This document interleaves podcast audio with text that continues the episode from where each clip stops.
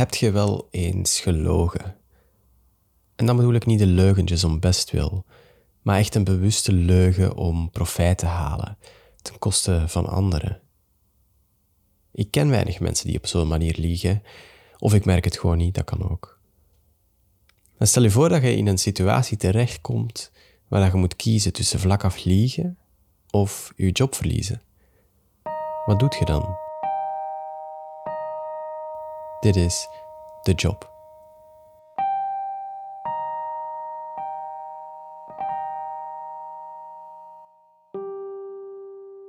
Het was een doordeweekse dag in een doodnormale week.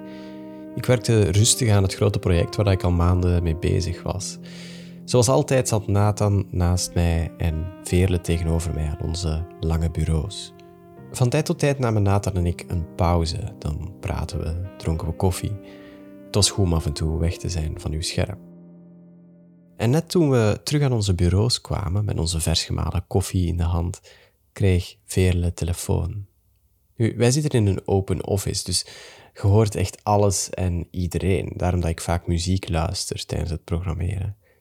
En na een tijd leert je ook wel gewoon om bepaalde gesprekken weg te filteren, want anders krijg je nooit iets van werk gedaan.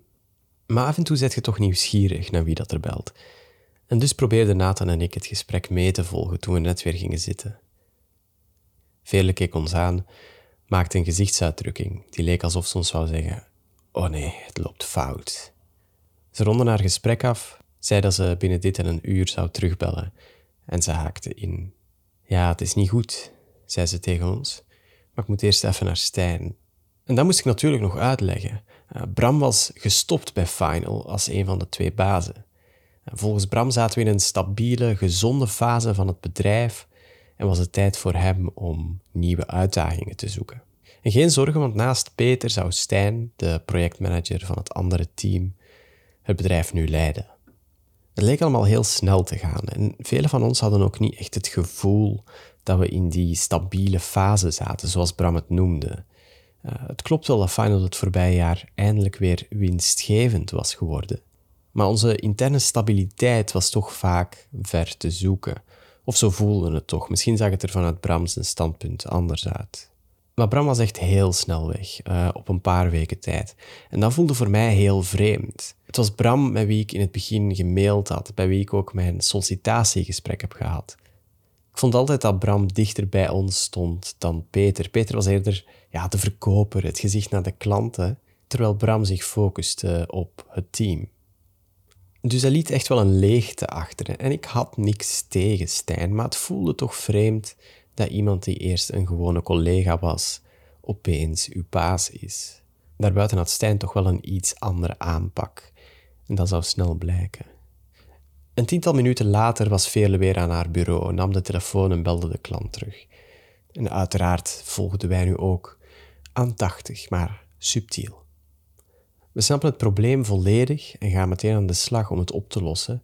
Maar we moeten spijtig genoeg wel zeggen dat Nathan, de ontwikkelaar die hier aan werkt, de rest van de week ziek is. Dus we plannen iemand anders in, maar het zal wel langer duren. Nathan en ik keken elkaar verbaasd aan. Hij zag er niet echt ziek uit. Vele legde af uh, en zei dat ze het straks wel zou uitleggen, maar eerst moest ze naar het toilet. Dan zien we het wel zeker, zei ik tegen Nathan. Een tweetal minuten later kwam ik tot de conclusie dat ik eigenlijk ook wel naar het toilet moest. Ehm, koffie is waterafdrijvend, wist je dat? En dus stond ik op uh, en ging ik ook naar de gang waar de toiletten waren. En buiten in de gang trof ik Veerle aan. Ze moest helemaal niet naar het toilet. In plaats daarvan stond ze te wenen waar ze dacht dat niemand haar zou zien. Hoe het precieze gesprek met Veerle gegaan is, uh, dat weet ik niet meer. Um, er waren veel emoties langs haar kant die ze probeerde te minimaliseren. Maar dat lukte toch niet zo goed. In ieder geval weet ik wel nog wat Veerle mij vertelde dat er aan de hand was. Uh, waarom Nathan opeens ziek was, wat Stijn had gezegd en waarom Veerle stond te wenen op de gang. De klant die belde had een serieus probleem met hun website. Een belangrijk formulier dat niet bleek te werken zoals het hoorde. Een bekend fenomeen ondertussen bij Final. De klant was hier nogal boos over, omdat er blijkbaar al eerder problemen waren geweest met te hoge facturen, uh, deadlines die niet gehaald werden, dat soort zaken. Dit was dus een klant die al een tijdje niet meer tevreden was. En dat is ook de reden waarom Veerle meteen naar Stijn is gegaan om met hem af te stemmen. Stijns aanpak, die dus een beetje anders is, bestond eruit om Veerle te verplichten te liegen tegen de klant. Nathan was de ontwikkelaar van dit project, maar ondertussen was hij aan een ander project bezig met een deadline voor het einde van de week. En als dit er zou tussenkomen, zou die andere deadline in het gedrang komen. Dus de betere oplossing, volgens Stijn, was om te zeggen dat Nathan ziek is en hem er pas in het begin van volgende week naar te laten kijken. En daarbovenop zeggen we dan uh, dat we er meteen een andere ontwikkelaar op zetten. Maar het zal dus iets meer tijd vragen omdat hij de code niet kent. Dat is helemaal niet waar, hè? er zou helemaal niemand anders mee bezig zijn. Maar voor Stijn was het een duidelijke win. Uh, Nathan kon eerst zijn deadline afwerken. Uh, een zieke werknemer kon de klant ons niet kwalijk nemen. Wij doen een extra effort om de klant toch te helpen, maar eigenlijk dus niet. En we kunnen meer factureren omdat het zogezegd meer tijd heeft gekost. En velen voelden zich rot. Erop terugkijkend vraagt je misschien af: hadden we dit kunnen voorkomen? De klant in kwestie was niet van de ene op de andere dag gefrustreerd geraakt. Daar zit een hele geschiedenis achter. Het ironische is dat leugens al vanaf dag één een deel waren van de relatie met deze klant. En blijkbaar, eenmaal dat je begint met liegen, is het heel moeilijk te stoppen. Peter was de verkoper, degene die als eerste gesprekken aanging met potentiële klanten. Een maanden geleden had hij zo een aantal gesprekken gehad met deze klant.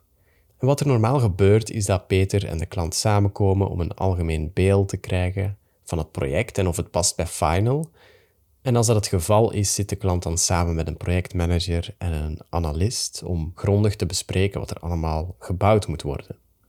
Daar komt dan een analyse uit en die gaat naar ons, de ontwikkelaars.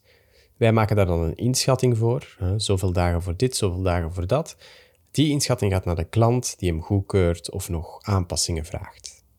dit hele verkoopproces vraagt tijd en geld. En zeker in het geval van grote projecten weten we dat een potentiële klant bij meerdere bedrijven gaat aankloppen om offertes te vergelijken. En daarom ook dat inschattingen erg gevoelig liggen.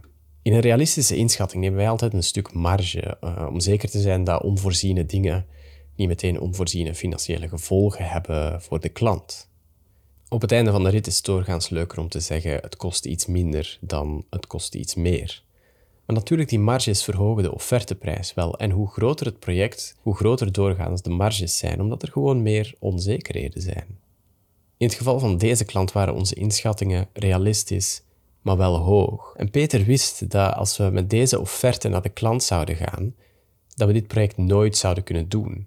Final had al twee jaar op rij verlies gemaakt en het was nu echt het moment om grote projecten binnen te halen.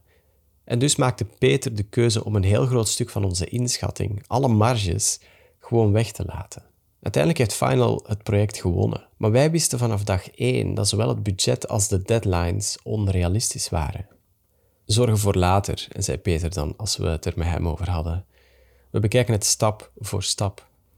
Ondertussen waren het dus zorgen voor vandaag. En in de praktijk viel de last van een boze klant op veerlaarschouders deadlines die niet gehaald werden, te hoge facturen en bugs in de code. Dat leek vanaf nu de final manier. En die manier had een kostprijs. Eh, kort na dit incident kon Veerle enkele weken niet komen werken. Een lichte burn-out, zei de dokter. En ik kon alleen maar begrip opbrengen voor haar. In de avond wandelde ik met Nathan naar het station. We hadden het over de dag en ik vertelde hem hoe ik veel had aangetroffen op de gang. Ik was er zelf ook door aangedaan. Niet enkel door het feit dat er zo gelogen werd tegen onze klanten, maar ook dat Veerle in die positie was gezet. Ik weet niet of ik nog voor dit soort bedrijf kan werken, zei ik tegen Nathan. Dat is de volgende keer in de job.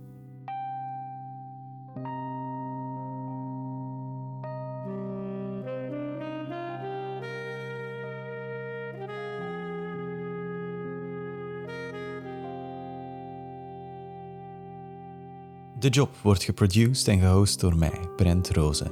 De muziek is van Kevin McLeod en dit hele verhaal is waar gebeurd.